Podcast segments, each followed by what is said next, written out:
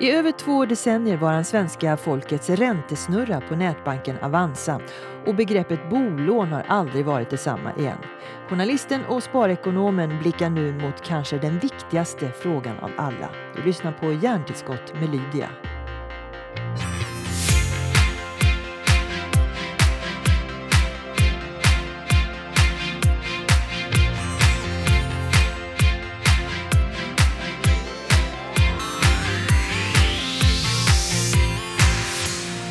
Har kämpat ända in i kaklet, nu ska jag göra något nytt.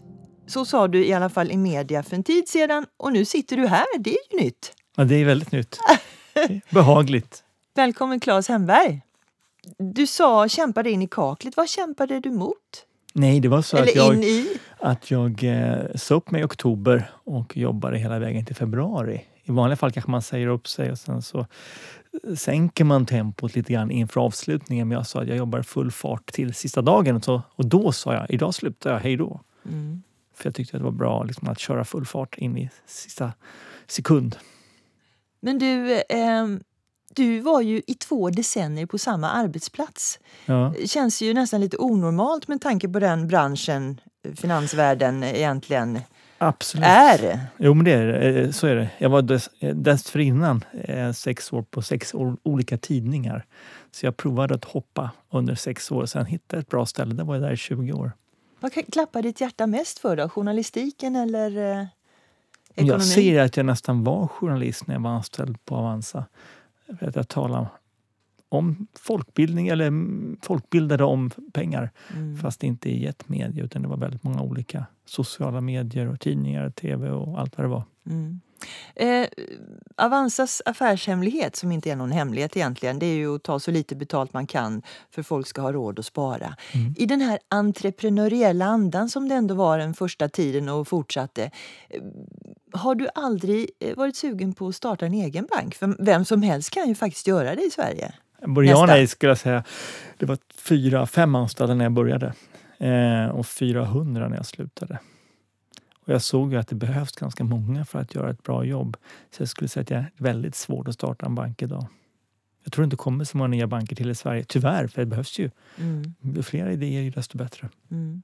Men du, ehm, eh, innan vi går vidare, innan vi lämnar Avanza, för det har du faktiskt gjort nu, så måste jag ju stämma av två saker med dig. Det, det finns ju en, en, en, en bra dag och en dålig dag. Den där bra dagen när du gav ett råd som gav väldigt stor effekt. Kan du minnas just ett sånt råd, vad, vad det i så fall var? De här åren tillbaka. Mm. Jag har faktiskt till och med räknat på det. Eh, och det rådet som k- folk tjänar mest pengar på, det var det här med att börja pruta på boräntan. För sju år sedan började jag prata om det. Och det sparar folk någonstans 10-11 miljarder varje år. Mm. Så det är kul att kunna hjälpa till med det. Jag hoppas de fortsätter att pruta. Mm. Men, eh, ehm, och en dålig dag när du känner att det här rådet eh, ångrar jag faktiskt. Eh, H&M kanske? H&M var en sån aktie som under många herrans årtionden tuffade på uppåt. Och sen för tre år sedan så visade det sig att de inte riktigt hängde med i svängarna. Då var kursen 360. Idag är den på ungefär 120. Mm. Här sitter jag och skrattar. Det är många som är jätteförbannade för Ja, att ja, ja. Ner två tredjedelar. Ja, men det var en sån aktie som hade gått så bra i så många årtionden så det kändes som en bombsäker aktie. Eh, nu har jag inte själv haft den hela vägen ner utan jag sålde.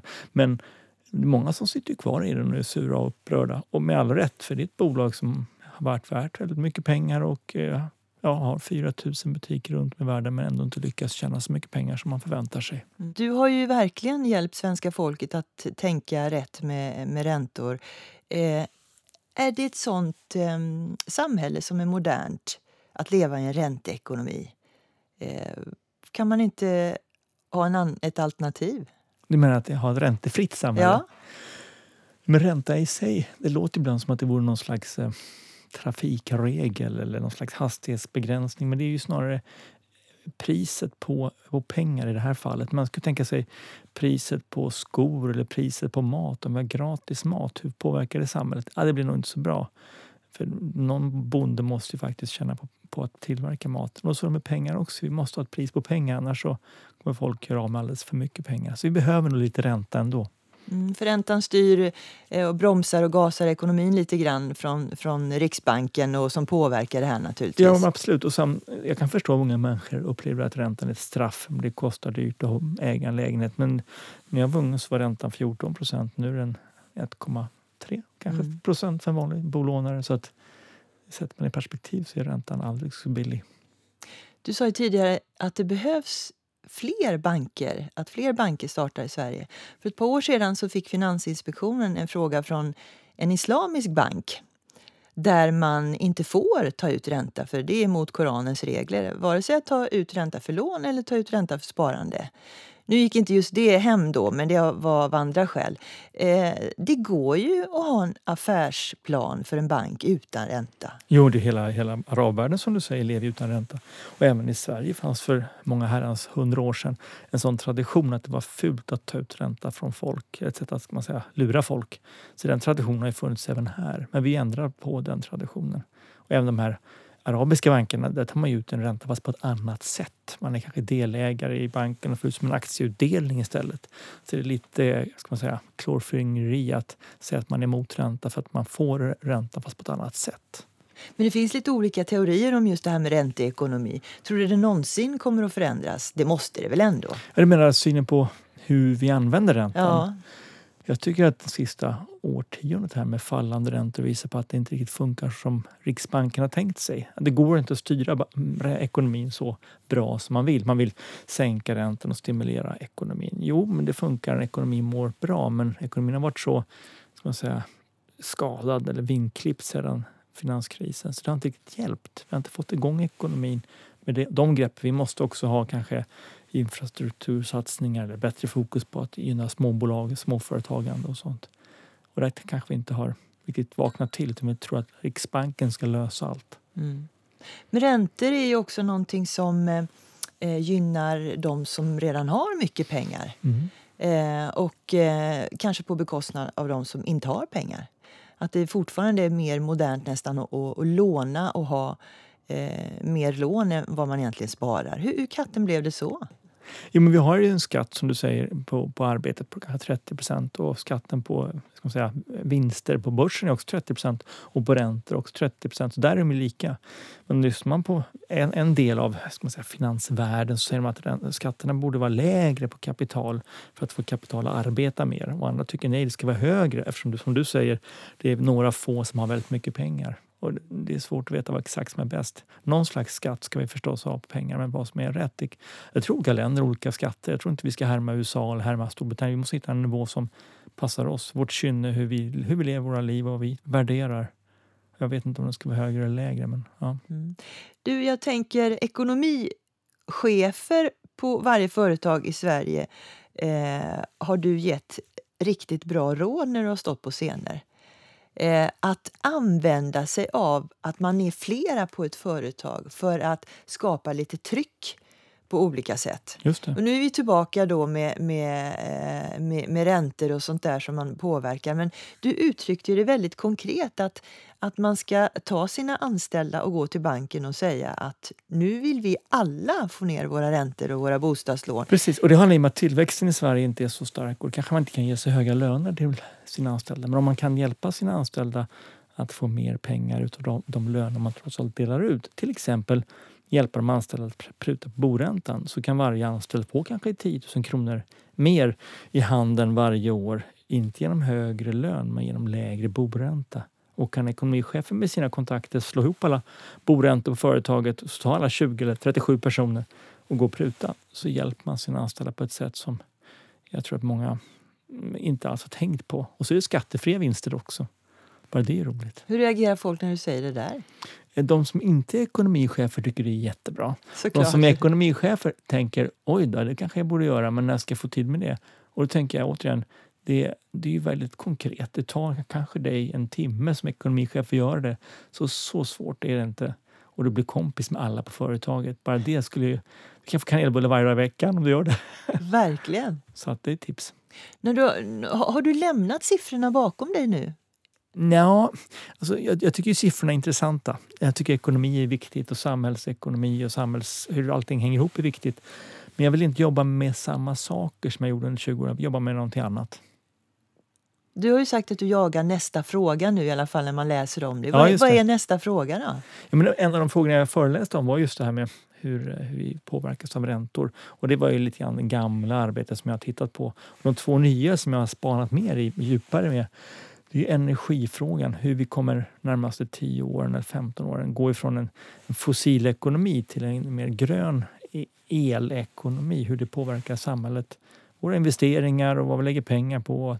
Energi kommer bli billigare. Och vi kommer få konkurrens från företag vid ekvatorn för de kommer att ha mycket billigare el än vad vi har. Det är en intressant omställning av samhället. Så att om inte SSAB flyttar sin elenergikrävande verksamhet från Skellefteå till en mer billig energiområde som Saudiarabien någonting sånt så kommer vi få saudiarabiska stålbolag som konkurrerar ut SSAB. Och det kom ju bara en nyhet häromveckan hur Saudiarabien satsar, ska vi se hur många, 100 miljarder dollar var det, men det var 10 kvadrat, nej, 100 kvadratkilometer solpaneler bara för att öppna den industrin. Så vi kommer få se jättemycket spännande saker de nästa tio åren. Det kan jag tänka mig att jobba med. Och det var det också jag föreläste om. Att hur påverkar företag? Hur ska vi tänka och räkna för att vara beredda på den omställningen? Hur ska vi tänka och räkna då? Jag tror att har man en dieselbil ska man sälja den. Ungefär så, ja. ja. Har man, har man överhuvudtaget en verksamhet som bygger på gamla energisystem så måste man börja räkna om andra, som SSAB borde räkna annorlunda. Eller SL för den delen som kör många bussar eh, kanske borde fundera på elbussar istället. Så att, och även vi som äger vår egen bil eller hur vi värmer vårt hus. Eh, För el eller energi är en stor kostnad. Så där kan vi säkert spara pengar på tal om pengar. Men du, vad man glömmer ofta är att här uppe i Norden har vi ju någonting annat som är väldigt attraktivt, nämligen kyla. Mm. Jag tänker på de här Alla servrar ja, som precis, installeras uppe i norr. Just Ja. det, precis. Ja, de blommar upp här och där. Google och Facebook har lite hallar överallt. Ja. Men ehm, eh, du står ju nu mycket på scener och eh, föreläser och lite är det som du säger, eh, du trampar fortfarande i dina räntespår här för folk vill ju fortfarande prata ränta med dig.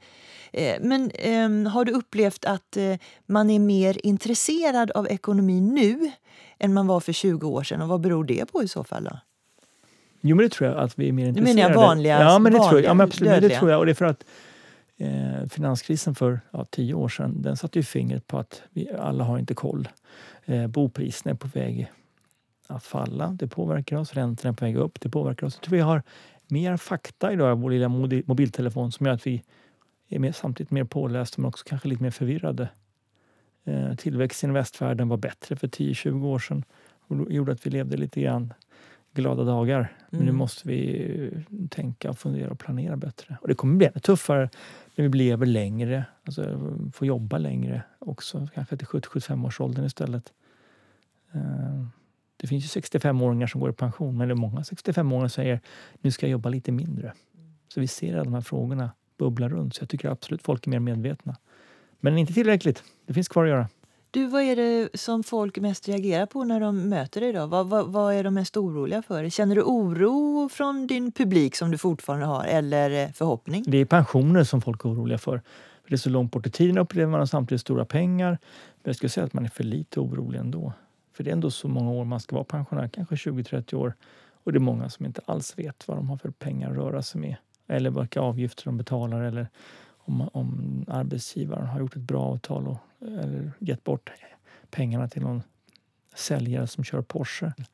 Hur gör de som inte kan spara? då? Vad, vad kan man ge såna personer för råd som inte kan ha utrymme för det? Det kan ju både vara ska man säga, eh, ekonomiskt utrymme, att man inte kan spara för man upplever att varje krona måste gå till mat eller vad det nu kan vara, kläder.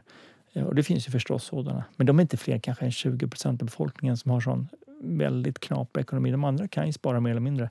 Men sen har vi en grupp som tror jag intellektuellt sett har svårt att spara. Lättare att köpa. Det är roligare att köpa än att spara. Och de kan man ju försöka diskutera med. Men eh, vad vi ser och förväntar oss är att de här som inte har några pengar, de får jobba vidare. Till kanske 75-80 års ålder. Det kommer vara en tuff arbetsmarknad för vilka jobb finns det för för den som är 80 år? Det är inte kanske så många jobb där man, som man orkar, orkar eller klarar av då. Vad, vad, är, vad, är, vad är det för idéer som eh, du blir mest imponerad av nu? då? När jag möter unga människor, Mm. eh, de är ju mycket mer fria i sin bild. Alltså om man har en produkt eller en tjänst så tänker inte så många av de här unga människorna att det här är en svensk produkt. Utan, nej, vi börjar i Sverige och sen kanske i höst så ska vi ta Norge och Tyskland. De har ett helt annat perspektiv på vem de vill erbjuda sin tjänst eller produkt till. Eh, mycket mer vidsynta, mycket mer snabbfotade, mycket mer tekniska, duktiga på att programmera. Alla kan Java, ett programmeringsspråk som jag fortfarande har väldigt svårt för. så att eh, de är mycket mer breda på ett sätt som jag, ja, som jag tror behövs också framöver. Mm. Eh, när du eh, var igång i Avanza så var du folkets ränta, räntesnurra. Kan du inte bli någonting för folks eh, elkonsumtion, elsnurra? elsnurra? Jag tror att det är ett misstag tror jag, som miljöpartister eller vilka är mer? Miljöministern kanske? Levin? Löfven? Nej, Levin heter hon. Eh, jag tycker jag ger bort sig när man säger att man ska flyga mindre flygplan. Alltså vi, vi, vi utvecklar nu menar du inte storleksmässigt, mindre flygplan? Utan... Färre flygplan. Färre flygplansresor. Ja, mindre också kanske. Nej, men flyg mindre ja. är väl hennes liksom, devis, eller Miljöpartiet överhuvudtaget, eller gröna aktivister. Och det är inte genom att bromsa samhället vi utvecklar utan låt folk flyga vidare, men vi ska utveckla flygplan som är bättre. Jag, alltså, jag vänder mig lite grann mot det här med att spara på elräkning. Det är inte det, utan det handlar om att lägga pengar på teknik som gör att vi får bättre el, mer el, smartare el framöver. Och där ser vi flera svenska företag som är duktiga. Jag har träffat flera sådana här veckor när jag varit eh, ledig efter Avanza. Som jobbar, företag som jobbar med just med att utveckla produkter och tjänster som passar in i det här nya energisamhället. Mm. Så det händer mycket där. Hur attraktivt är Sverige på en skala i alla möjliga olika sammanhang? Vi upplever ju allt det här från fantastiska framgångar från techföretag till att, eh, till att man pratar om vilket dåligt väder det är i Sverige eh, och alla vill bo någon annanstans. Alltså mellan de här två sakerna så finns det ju massa olika ögon på Sverige. Förra veckan gick ju Spotify till börsen, inte i Sverige utan i USA. Det är en trist sanning. det är för att vi är så små här och inte finns mycket kunskap om att analysera teknikbolag Senast idag talade jag med ett annat teknikbolag som funderar på att gå till börsen men tänker att vi kanske också ska välja USA. Och det, och det är väl en svaghet då att i den här globala världen så är det svårt att vara liten. Men hur kan det komma sig när det kommer så många eh, nya techbolag i Sverige så kan vi inte hantera deras värde på något sätt? Nej, men det är kunskapen. Det finns inte analytiker, det finns inte så stora banker.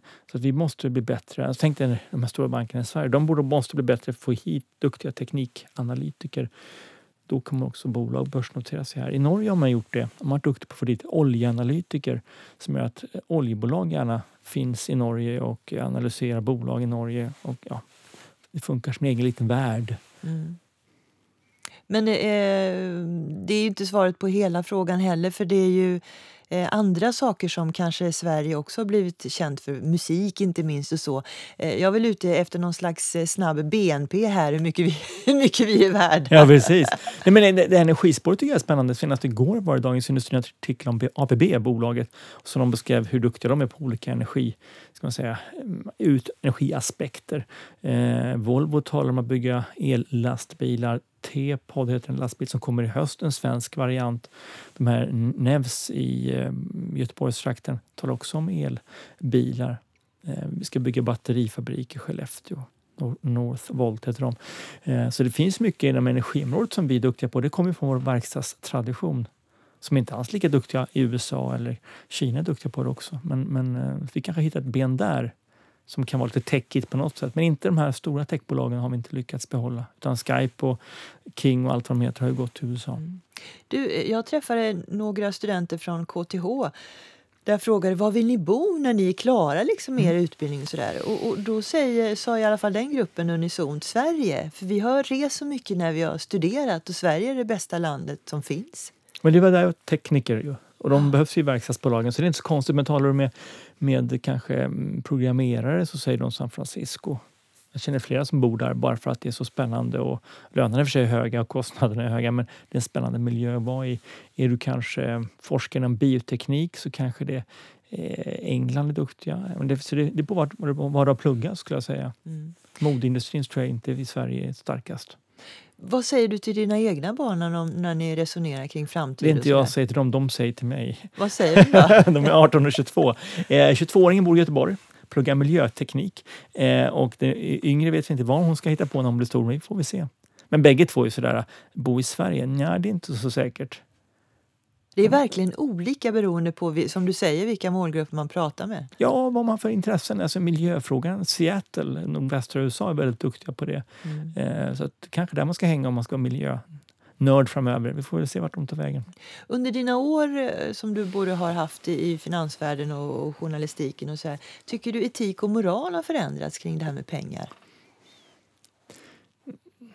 Den här gröna frågan Eh, klimatuppvärmningen kom ju 2006-2007 med Al Gore.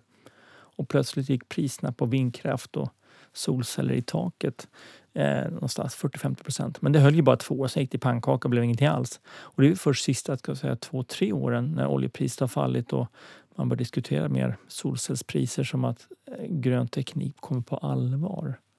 Så jag skulle säga att eh, etik, hållbarhet kanske först nu egentligen kommer men jag tycker fortfarande många bolag, stora börsbolag som pratar om återvinning. Men de, de räknar inte hem det och säger att genom att återvinna de här kläderna eller bildäcken så sparar vi de här pengarna. Utan man säger bara att man gör det. Det låter som att man gör det för att man ska vara trevlig, inte för att man ska bidra ekonomiskt. För man måste ju räkna om det till pengar så att det går att översätta till andra investeringar. Det är då det blir intressant.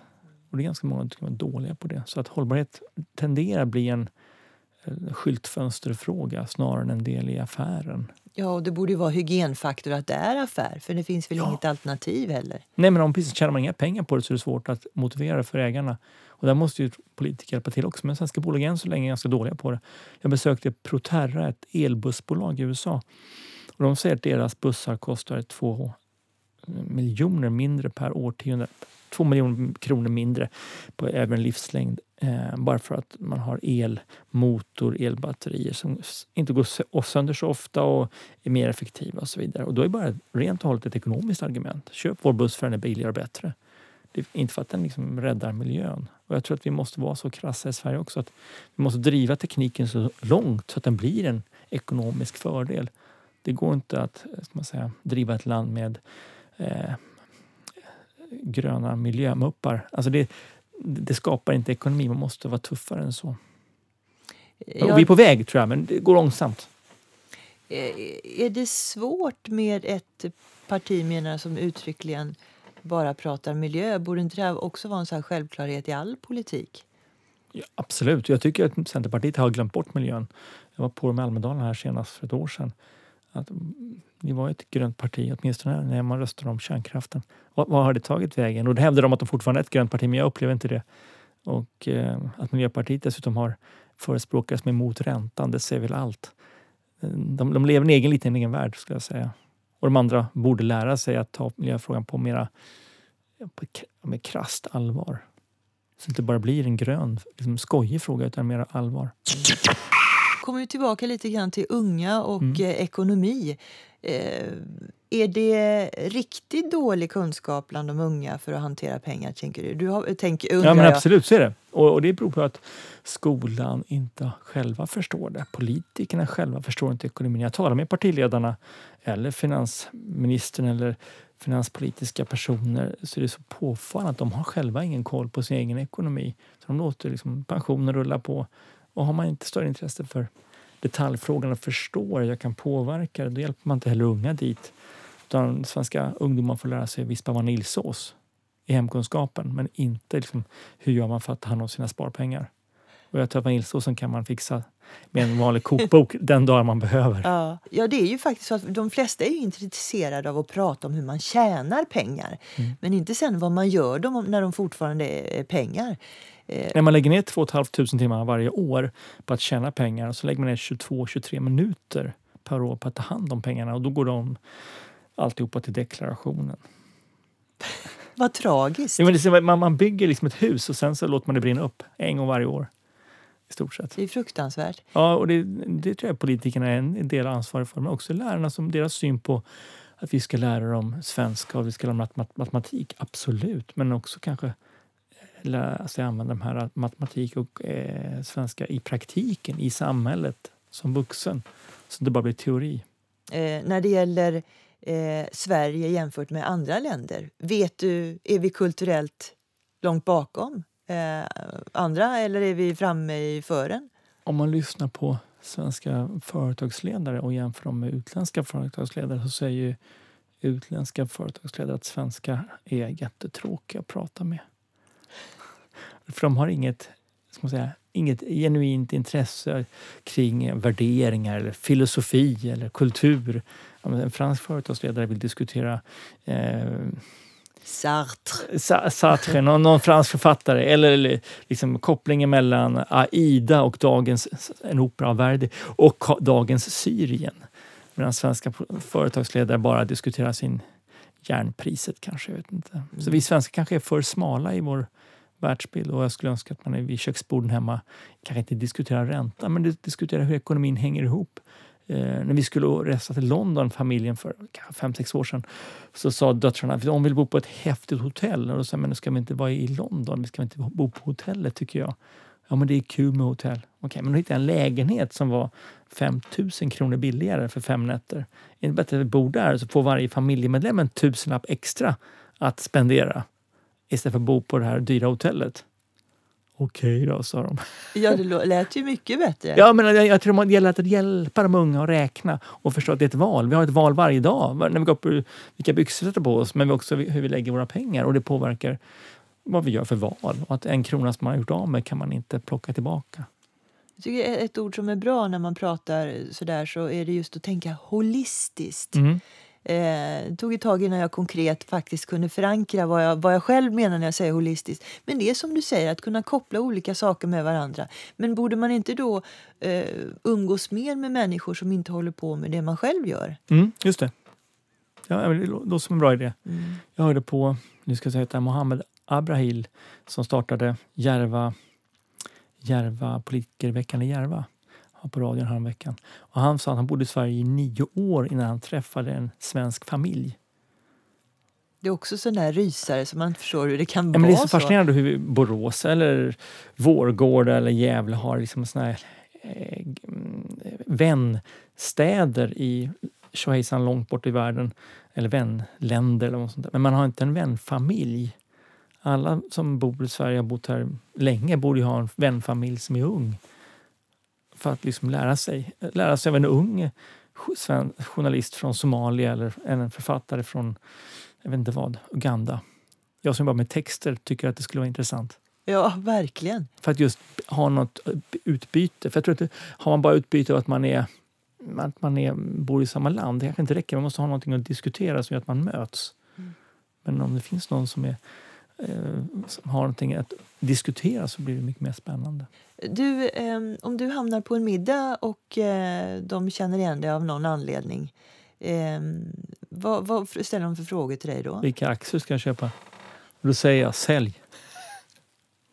Ja, för där är vi igen. Alltså. Vi, vi, du och jag tangerar lite grann och pratar om visioner och holistiskt tänkande. och sådär. Aktier är ju otroligt kortsiktigt. Nej, Ja, men är det, det inte det? Jag har haft Avanza-aktier i 20 år. Ja, och det gjorde du bra affär på i och för sig. Men, men, ja. men, eh, och det är bara att gratulera. Men, eh, men de här små aktieskolorna som kan finnas ibland. Det är det. tonåringar som börjar prata om det. De pratar ju bara om hur pengarna kan växa och det är ju självklart. Men mm. man måste vara väldigt på. Jag tänker ju aktier som investering eh, mm. långsiktigt. Det är inte det man lär ut riktigt och det är inte det folk pratar om i första hand om vi ska vara riktigt ärliga. Ja, men ärliga kan vi absolut vara. Nej, men framförallt vad jag reagerar på, som jag håller med om, det, är att det finns en girighet i det. Att man på något sätt lockar folk med att du kan tjäna pengar istället för att säga att du ska ta hand om dina pengar och, och kanske få ut det värde som de, du rimligtvis ska ha och följa med i Volvos utveckling eller ABBs utveckling. Finns det någon ehm, eh, anledning att diskutera moral också om man skulle koppla sina aktieköp kring de eh, sökord på Google som är mest frekventa. Vi nämnde precis cannabisaktier. Och går det några sådana tankar Men Jag reagerar förstås eh, jag reagerade på cannabisaktier för jag hade precis varit i San Francisco och sett eländet. Det var det jag fick reagera på. Sen såg jag hur kursen gick. Eh, den gick upp tre, fyra gånger på bara två månader för att handeln skulle liberaliseras i Kalifornien. Och rent affärsmässigt är det ska man säga, kokosnöt. Det finns ingen anledning att köpa en aktie bara för att man liberaliserar en marknad. Vinsterna för det kommer ta kanske 10-20 år innan man får igen. Så det var en omoraliskt i min värld, men också en dålig affär. Det var därför jag var skeptisk till cannabisaktier, eller är fortfarande. De är ju halverade i pris sen dess.